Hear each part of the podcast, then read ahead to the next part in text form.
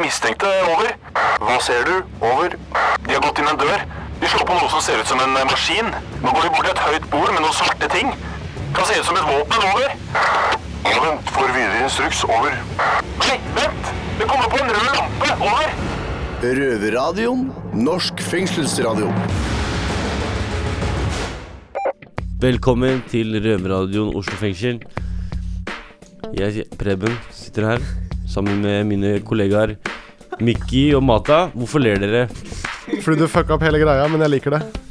Jeg liker ok, ok, hva er det? Ok, jeg fucker opp mye her. Greit. Eh, hva skjer? det. Det er lite. Vi er inne. Våkne opp litt? Sitter i fengsel. Ja, ja. Det begynner å bli vår ute. Ok, Det føles godt. Ja. Føler litt sol gjennom, eh, gjennom eh, gitteret. ja, ja. Eh, hva er det som har skjedd i Oslo fengsel? Jo, de har tatt vekk havregryn og knekkebrød. Ja. Ja. Borte blei det. Ta det tilbake. Få, få, få det inn igjen. Smugle det inn. Kaste over veggene. Gi oss noe knekkebrød. Eller få litt mer budsjett i kassa fra staten. Hvorfor det? Det er vel kutt i budsjettet, statsbudsjettet som eh, ble gitt til kriminalomsorgen. Ja, Så tok de vekk alle de dyre matvarene våre. Sitter igjen med brød. Det skal være en straff å sitte inne, da, vet du. Så blir det for enkelt når du har knekkebrød og havregryn. Ja, Det blir litt sånn dobbeltstraff, egentlig. Ja. Ekstra straff. Ikke noe jeg savner mer enn havregryn. Gleder meg til å komme ut fra Men eh, vi får, vi, skal, vi får en betjent inn i studio senere som eh, vi skal intervjue angående det her. Hvorfor skal vi, hva skjer, hvorfor skal, hva skal vi prate med han om? Vi trenger gisler, så vi kan bytte gisler for uh... Nei, Han skal vel prate om akkurat dette her. Hva de syns det er om Hvordan de syns det er og, og at vi mister det, da. Ok. Men likevel, det gjør de ikke det. Å ta fra seg alt sammen. Ja, noen av dem gjør vel det. Hva annet er det vi skal høre om i sendinga i dag, da? Jo, vi skal jo høre om det om at uh, skal liksom skjønne du føler deg som, avgjøre hvilket fengsel du skal i. Ja. Uh, hjelp meg å utdype det. ja, hvis du føler deg som kvinne, at du skal få sitte i kvinnefengsel, f.eks. Er det greit? Jeg vet ikke. De kommer fram til det på kvinnefengselet. Vi skal i hvert fall prate om det, se om vi blir noe klokere på det. Mm. Men uh, yes, gutta. Hva er neste? Senere i sendingen så skal dere få alle bli kjent med meg. Matamat. Mat, Ja. mat. Jeg håper dere gleder dere til det. Her tror jeg politiet kommer og henter meg. Ok, hva skjer? Du Nei. forlater oss, eller? Ja, jeg skal på fremstilling, så da stikker jeg en en Ok, politibil lykke til. og. Vi ses, Mickey. Ha det bra her på radioen. Yes. Uh, Mikki måtte forlate oss i studio, Heldigvis. men uh, heldigvis, ja. Det går bra. Uh, nei, men da er det ikke noe annet å gjøre enn å bare starte sendinga, da. Kjører vi på.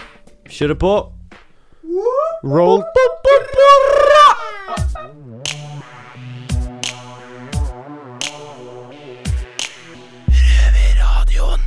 Det er tre ting som er sikre her i livet. Døden, skatt og nye innsatte i Oslo fengsel. Yo, jeg heter Sidney Nyo og sitter her med vår nye røver, Mata. Han er ca. 1,85, whiteboy og har flotte røde fengselsbukser på seg. Velkommen. Ja, takk skal du ha. Hvorfor sitter du inne, Mata? Fordi jeg er en florist. En botaniker som eh, er misforstått.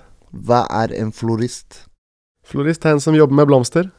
Ok, hva slags blomster? De du røyker. Mariana, altså. Cannabis. Cannabis. Ok. En, eh, hvor lang dom har du? Jeg fikk eh, dommen denne uken her, og jeg fikk eh, ett år og ti måneder. Ett år og ti måneder. Angrer du på det du har gjort, eller sitter inne for? Jeg angrer på at jeg ble tatt. Men eh, jeg ser på det som en menneskerettighet å, å dyrke sin egen eh, medisin. Hva er bakgrunnen din? Bakgrunnen min er uh, Jeg har jobbet noe med salg. Nå mener jeg over, altså over telefonen. Jeg har uh, jobbet med salg og vært uh, på folkehøyskole og var eh, et år i Garden. Så jeg vet ikke om det er eh, god reklame for Gardene. Det er vel nå blitt saksøkt med en gang. Er det første gang du sitter inne? det er første gang jeg sitter inne. Hvordan var første dagen din i fengsel? Eller hvordan var det å havne i fengsel? Hvordan jeg havnet i fengsel? Nei, hvordan var det? Nei, jeg, eh, jeg venta egentlig på Jeg tenkte jeg kom til å være her i et par uker. Det er ikke så ofte at du, sitter her for uh, cannabisdyrking. Med mindre de bruker uh, mot deg, da. Så det er, det er det de bruker imot meg for å holde meg. Så det var varetektsfengsling til å begynne med. Varetektsfengsling.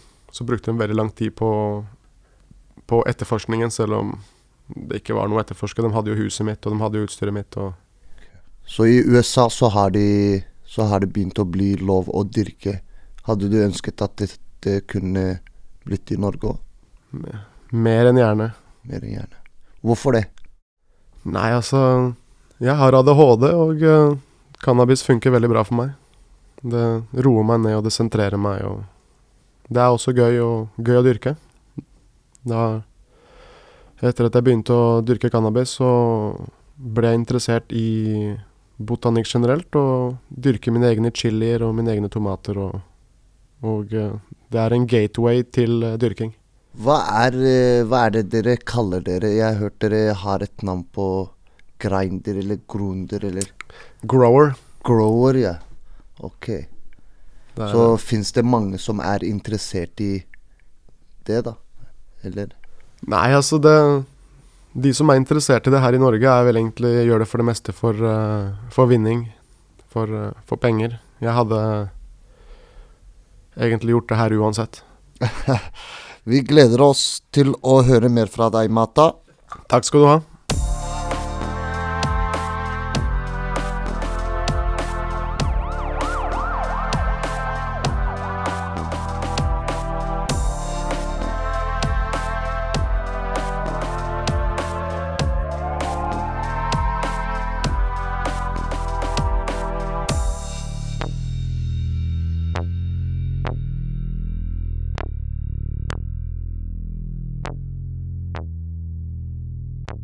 Da setter vi oss på vår imaginære sykkel og sykler over til Bredtvet kvinnefengsel. Røverradioen. Er det det du har mellom beina, eller er det som står i passet ditt som skal avgjøre hvilken fengsel du ble satt i? Eh, Her på Bredtvet, eh, i studio, eh, har jeg med meg Margrethe? Og Amela. Og vi skal diskutere en liten tema i dag. Vi skal diskutere mm, en sak som har skjedd i England. I England har det seg nemlig sånn at uh, der er det hva som står i passet ditt som avgjør hvilket fengsel du blir sendt til. Og det var en mann som var dømt for seksuelle overgrep, som eh, hevdet at han var kvinne, men fysiologisk sett var han fortsatt mann. Og ble sendt til et kvinnefengsel, og hva gjør han der? Jo, han eh, voldtar flere innsatte i kvinnefengselet. Så hva faen er det som skjer? Eh, For at han var eh, en mann, egentlig, for at han begynte på en sånn kjønnsskiftende uh, kjemisk terapi, men han hadde penis, rett og slett. Ja. Hvordan skal man ta stilling til dette når man skal sette inn folk i fengsel? da? I forhold til kjønn, kvinnefengsel, mannsfengsel. Ja. Hvordan skal man plassere folk i fengsel ut fra hvilket kjønn de er? Den problemstillingen kommer vi til å ha i Norge også etter hvert. I England er det jo sånn at det er hva som står i passet ditt som avgjør hvor det blir sendt. Ja, nei, Vi er ikke helt sikre på helt hvordan dette er regulert i Norge, eller om det er regulert i Norge på noen måte ved noen lover eller lignende. Men eh, Nei, det, det, kommer til å bli eh, Eh. mer eller flere og flere problemstillinger eh, som er like den som har skjedd i England. Men kan Og- vi tenke sånn at eh, lignende situasjon kunne ha skjedd i Norge? Det vet jeg ikke, for jeg vet ikke hvordan reglene er i Norge. Hvordan, eh, hvor de plasserer eh, Om de plasserer folk ut fra hva som står i passet deres, eller Det hva er de jeg litt usikker på sjøl om, men jeg stiller jo litt spørsmålstegn til eh, generelt sikkerheten i et fengsel i det hele tatt. da, Når overgrep som da fører til at det faktisk blir skriverier om det i avisa, i det hele tatt kan skje eh, Ja, der, der sier du noe. Men eh, altså, overgrep kan jo man jo bli utsatt for uansett om det er en som er 100% mann eller 100 kvinne. Eh, faktisk, i dette tilfellet som skjedde i England, så fengsler har beklaget eh, denne hendelsen. Og i, Stor i Storbritannia eh, diskuteres nå reglene i lys av denne avsløringen. Men eh, som, som det er i Norge, eh, man har ikke ennå regler i straffegjennomføringsloven som går direkte på hvordan man skal plassere eh, personer som skifter kjønn. Så Så nå gjør vi Jeg- kriminalomsorgen en stor tjeneste ved å ta opp dette på forhånd. Sånn Jeg at, tenker skjønner, kanskje at det heller handler litt sånn generelt om hvordan man skal plassere folk eh, Altså på, basert på kriminaliteten Det må jo være viktigere her, tenker jeg. Ja, det er jeg enig i. Han, er, han i det eksempelet er jo dømt for seksuelle overgrep. Ja, og at at- han da ikke blir satt på isolasjon, eller at det Han blir tatt noen like forhåndsregler. Han kunne for jo like gjerne flydd rundt og voldtatt gutter om han ble satt i mannsfengsel Ja, som kvinner ikke. i et kvinns, kvinnefengsel, da. Ja, Ja, det er en interessant vinkling.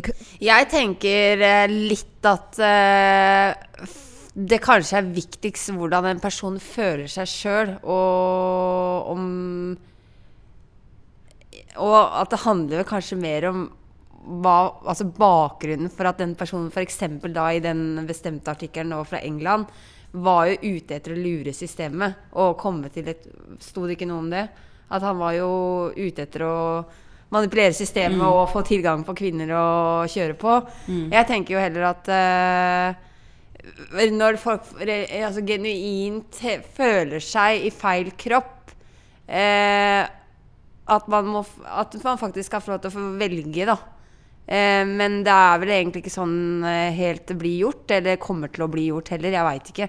Men jeg tror det handler litt mer om at man kan jo fly rundt og voldta folk uansett Ja. om du er gutt eller jente i kvinnefengsel eller mannsfengsel. Ja, og det eksempelet der er kanskje én ut av 99, da. En som utnytter systemet. Eh, De fleste andre vil jo gjøre det ut fra hva som er best for dem selv. At de faktisk vil være med det skjønnet som de selv føler at de er, da. Ja.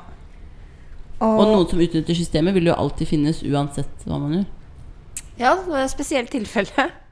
Ja, men Margrethe, det er jo sånn, sånn som du sier med at uh, At man vil sitte med det skjønnet man føler seg som. Men skal man da tenke på det individet frem på bekostning av alle andre? Hvis en føler seg som en kvinne, så skal den få lov å sitte i kvinnefengsel på bekostning av andre, alle andre. Er det greit for alle de andre kvinnene i det kvinnefengselet, da? Jeg tenker at eh, det er vanskelig å sette Det er vanskelig å eh, svare på, syns jeg. Eh, jeg bare tenker litt sånn at det her i det, fra den konkrete saken så var det snakk om så blei det veldig bisart fordi at personen var under kjønnsskifte. Personen eh, var dømt for overgrep, og personen gjorde nye overgrep. Eh, og det blei så veldig, veldig spesielt pga. kjønnsskifte, og at det også er et tema. Men jeg tenker at eh, det kan jo skje uansett. Eh, men at jeg er enig i at eh, hvis man skal bare gå på sånn kjønnsspørsmålet, så er det vanskelig å si, da. Om eh, man skal ta hensyn til enkeltindividet, eller om Eller alle andre som sitter inne i fengselet. Jeg, jeg veit ikke. og med dette så takker jeg for denne diskusjonen. Vi kunne diskutere dette lengre, men eh, på vegne av oss her i Rove Radio så oppfordrer jeg våre lyttere å skrive noen på Facebook til oss og sende eh, deres meninger om dette. Og det kan vi f.eks. For formidle videre til kriminalomsorgen. Eh, hvordan kan de håndtere dette store utfordringen i framtiden? Takk for oss.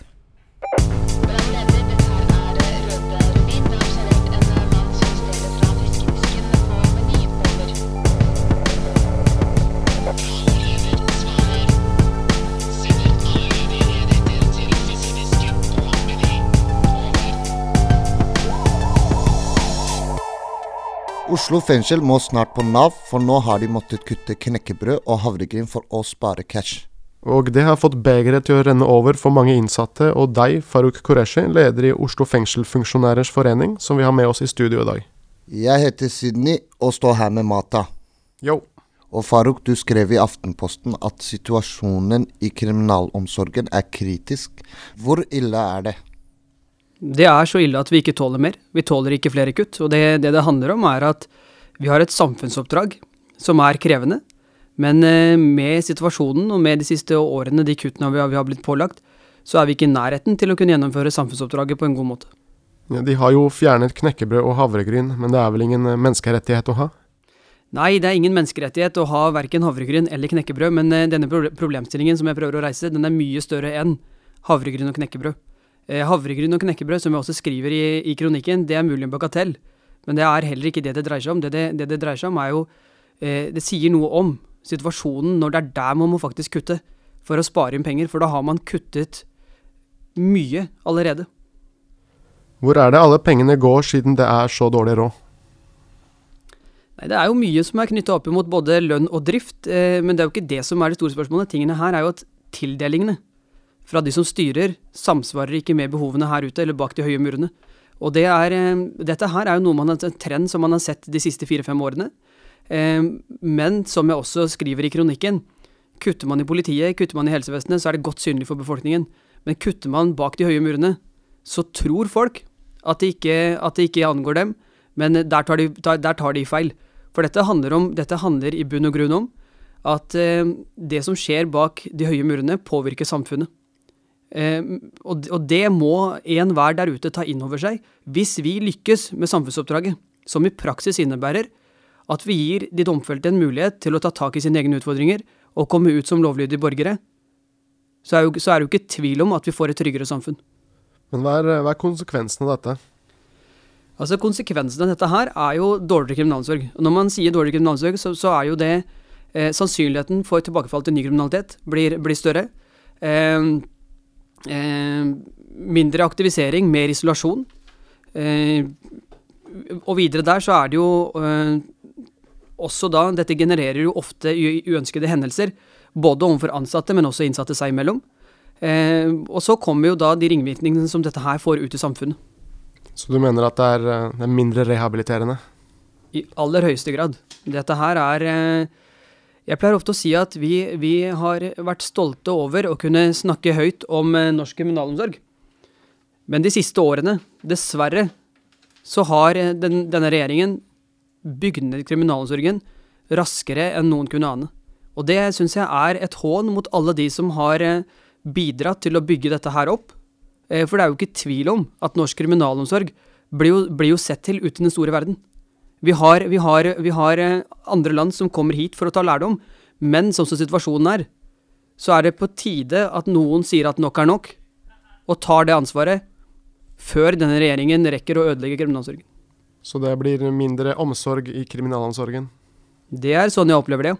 Og det som er viktig for meg å presisere her, er jo at det vi må huske på, er at eh, ansatte i norske fengsler er blant de mest kompetente i hele verden hva gjelder kriminalomsorg.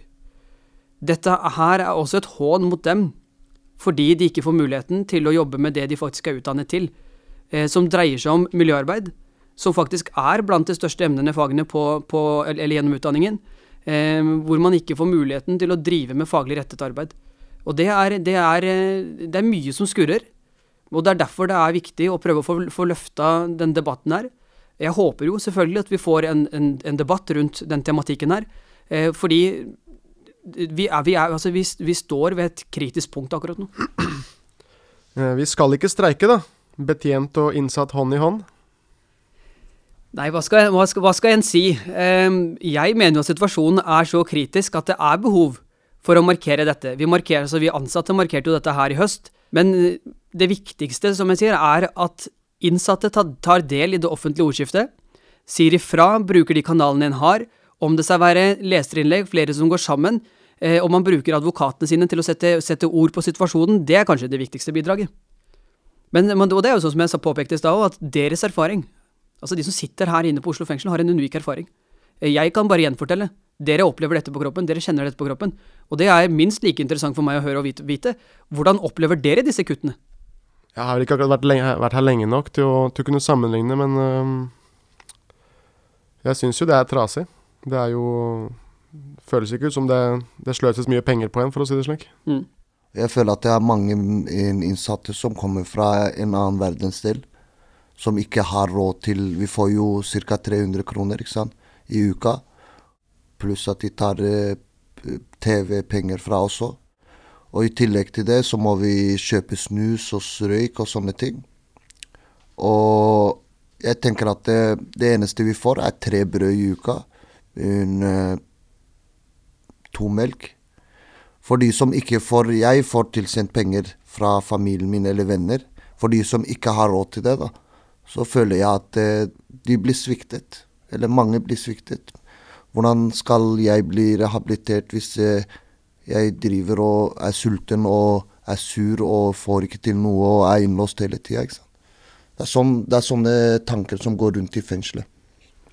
Ja, nei, jeg, jeg forstår godt den, den opplevelsen som du beskriver. Jeg forstår godt frustrasjonen. Jeg er selv frustrert. Jeg har flere kollegaer som er frustrert, og det det handler om igjen, er at eh, ansatte som jobber i norske fengsler, er jo faktisk opptatt av disse problemstillingene. Eh, det er ingen av de ansatte jeg kjenner som er, er her på jobb og syns det er kult å låse inn folk.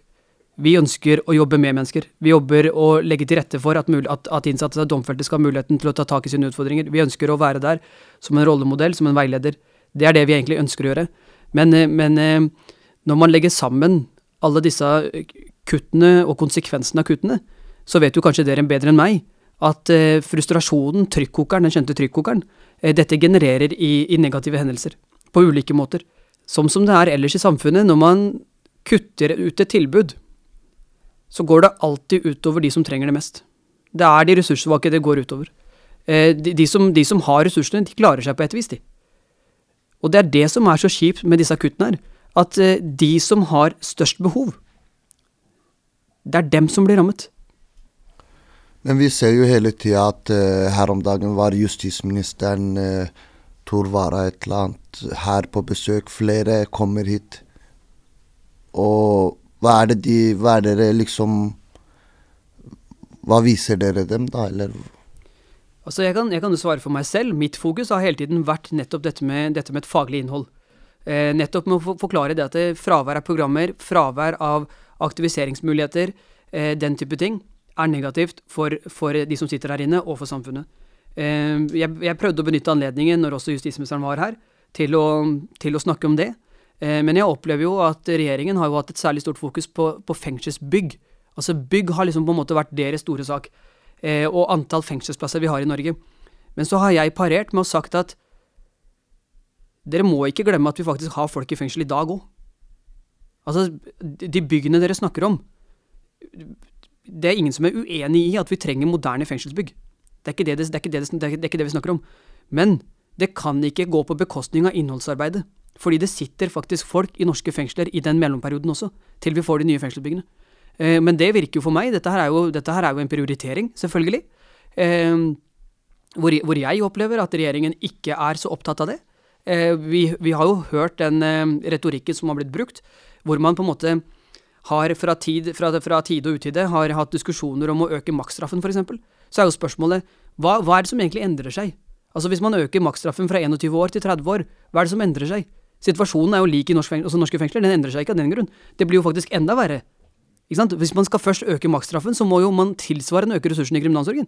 Men det, det, snakker man ikke om. Jeg, jeg, bare for å ha sagt det, jeg, etter å ha skrevet innlegget, eller innlegget ble publisert i går, så var jeg inne på Aftenposten bare for å se kommentarene under der.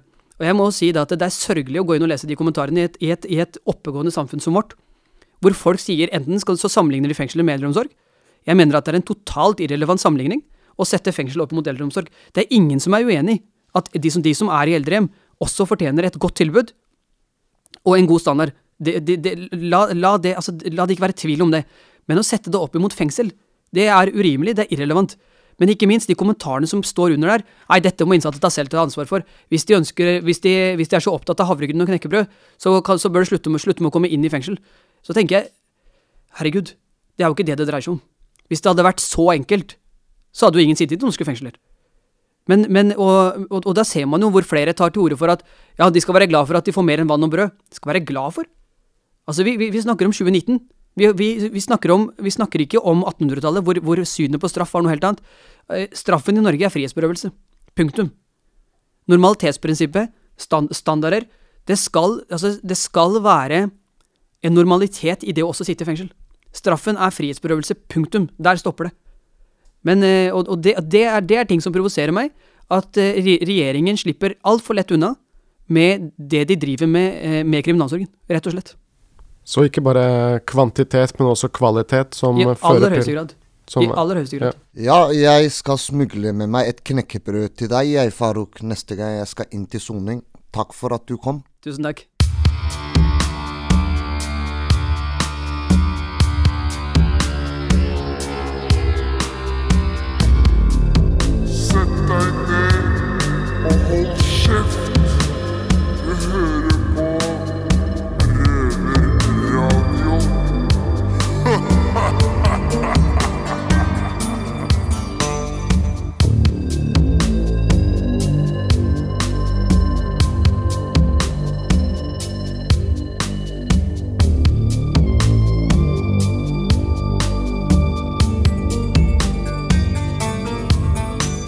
Og nå skal vi til Røverrådet i Bergen med Erik, Kjetil og Ottmann. Røverradioen. Hei sann, og velkommen tilbake. Ja, gutta. Jeg har uh, et lite um, ting jeg har lyst til å tenk, snakke litt om. Tenke litt på, egentlig. Ja, hva da? Og det er jo um, om uh, hvordan det er å være gammel. Hvordan det er å bli gammel. Jeg, blir jo, jeg er jo ganske gammel. Jeg er jo 43 år, og du er jo 21, og du er, har jo en bursdag snart og blir 28. Ja, ja sant. Du er jo oppi der. Jeg tror det er du som har fasiten, altså. Fasiten, for faen? Ja, Du er jo faen meg gammel. Ja, jo, jeg er jo kanskje jeg er jo sånn halvveis i livet. Halvveis og halvveis. Ja, De sier jo 40 er det nye 30, men jeg vet da faen, altså. Jeg føler at det er nye 20. Ja, kanskje. Men eh, har, har du Du og Erik som har bursdag snart, du, du liksom Ja. nærmer deg 30, så har du reflektert noe over hvordan hvordan det er å bli gammel? Ja, sant, men jeg har jo en jævlig lang dom, så jeg har jo tenkt på det. Hvordan skal det bli når jeg slipper ut? Og da er jeg 35 på prøven, og da er jeg gammel i mine øyne, liksom. For jeg var såpass ung når jeg kom inn i fengsel. Så det er litt sånn der Ja, faen eh, Jeg vet ikke. Jeg tror ikke det er bare bare. Altså, man mister jo noe sånn ungdommelig eh, glød eller noe sånt piss, virker det som. Ja, men det er jo klart at når du, du kom jo inn når du var forholdsvis ung i fengsel, Ja, ja. og har en lang dom og slipper ut på prøve når du er 35. Du har jo gått glipp av det mesteparten av eh, 20-årene og Jo. begynnelsen av 30-åra. Jo, takk for det. ja, det, vær så god. Jo, her må vi jo bare kalle en spade for en spade. Ja, er jo, Ja, ja. Sånn er det jo. Man utvikler jo en del sånn space tendenser, da, som eh, Ja, eh, altså man Sex er jo én ting, og kjærlighet og alt det her, sant, men jeg burde jo vært ute nå og gjort eh, masse faenskap og kost meg og uh, på fest og ja, ja, ja. Ja, det burde Alt mulig. Ja, det er jo det.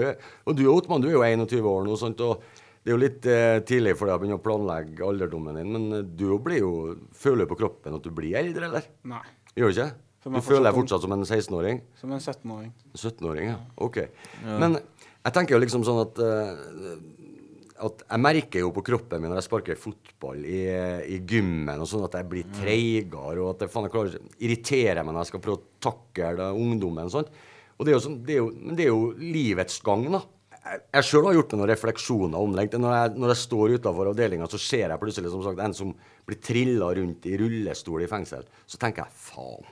En gammel fyr, ikke bare fordi han skada seg, men det er fordi han er såpass oppi der at han ikke klarer å gå. Han var sikkert oppi i 80-åra. sant? Ja, så tenker jeg ja. jeg skal faen ikke i fengsel når jeg er 80, i hvert fall. En ting som er i hvert fall sikkert for min egen del, jeg skal i hvert fall ikke bli trilla rundt i en rullestol i en luftegård i Bergen eller Ja, Oslo eller eh, ja. Stavanger fengsel. Det kan jo ta F på at jeg ikke skal. Aldri si aldri. Du vet aldri. Men uh, fuck it. Men du skal jo ut, Erik. Ja. Når du er 35 år, så skal Ja. du stifte familie. Du skal få barn som skal ta, komme og besøke deg på aldershjemmet.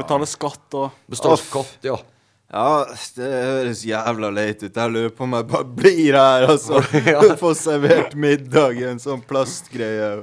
Kulene. Nei, jeg vet da faen. Jeg tror det er gangsterlivet. Det er greit å avslutte, iallfall når man er sånn 50-60, om ikke før. Ja, jeg håper vi har rett. Jeg vet da faen. Nei, nei, det er for seint. Ja, vi sier det sånn. Takk Ja. for oss. Du hører på lyden av ekte straffedømte. Røverradioen. Hver lørdag på NRK P2 halv fire. Og når du vil som podkast. Det var det vi hadde fra Røverradioen Oslo fengsel for denne gang. Hva var det du likte med sendinga, eller likte du sendinga? Ja, jeg syns det var interessant og spennende å høre om dette her med kjønnsroller da, og fengsler, og hvordan det der henger sammen. Både litt skummelt og spennende. Ja. Ja. Hvor er det man kan høre oss? P2 lørdag klokken halv fire. Radio Nova fredag klokken 18, og når du vil som podkast. Når du vil. Hva har du tenkt å gjøre når du kommer opp på cella? Nei, da skal jeg lese noen bøker og plante noen tomater. Plante tomater. Ja, viktig med grønnsaker. Så du har en liten sånn hage oppi cella di? Under senga. Under senga har du en hage, faktisk. Ja, ja. Et helt bed. Greit. Det var det vi hadde. Ha det bra! Ha det godt. Hei da! Adios! Ciao. Arrivederci. Det har vært stille fra over en time. Hva skjer? Over. Det er bare et radioprogram. Det er lettere å høre på dem der. Over. Ja, vet du når det går da? Over. Det er samme tid og samme sted neste uke. Over.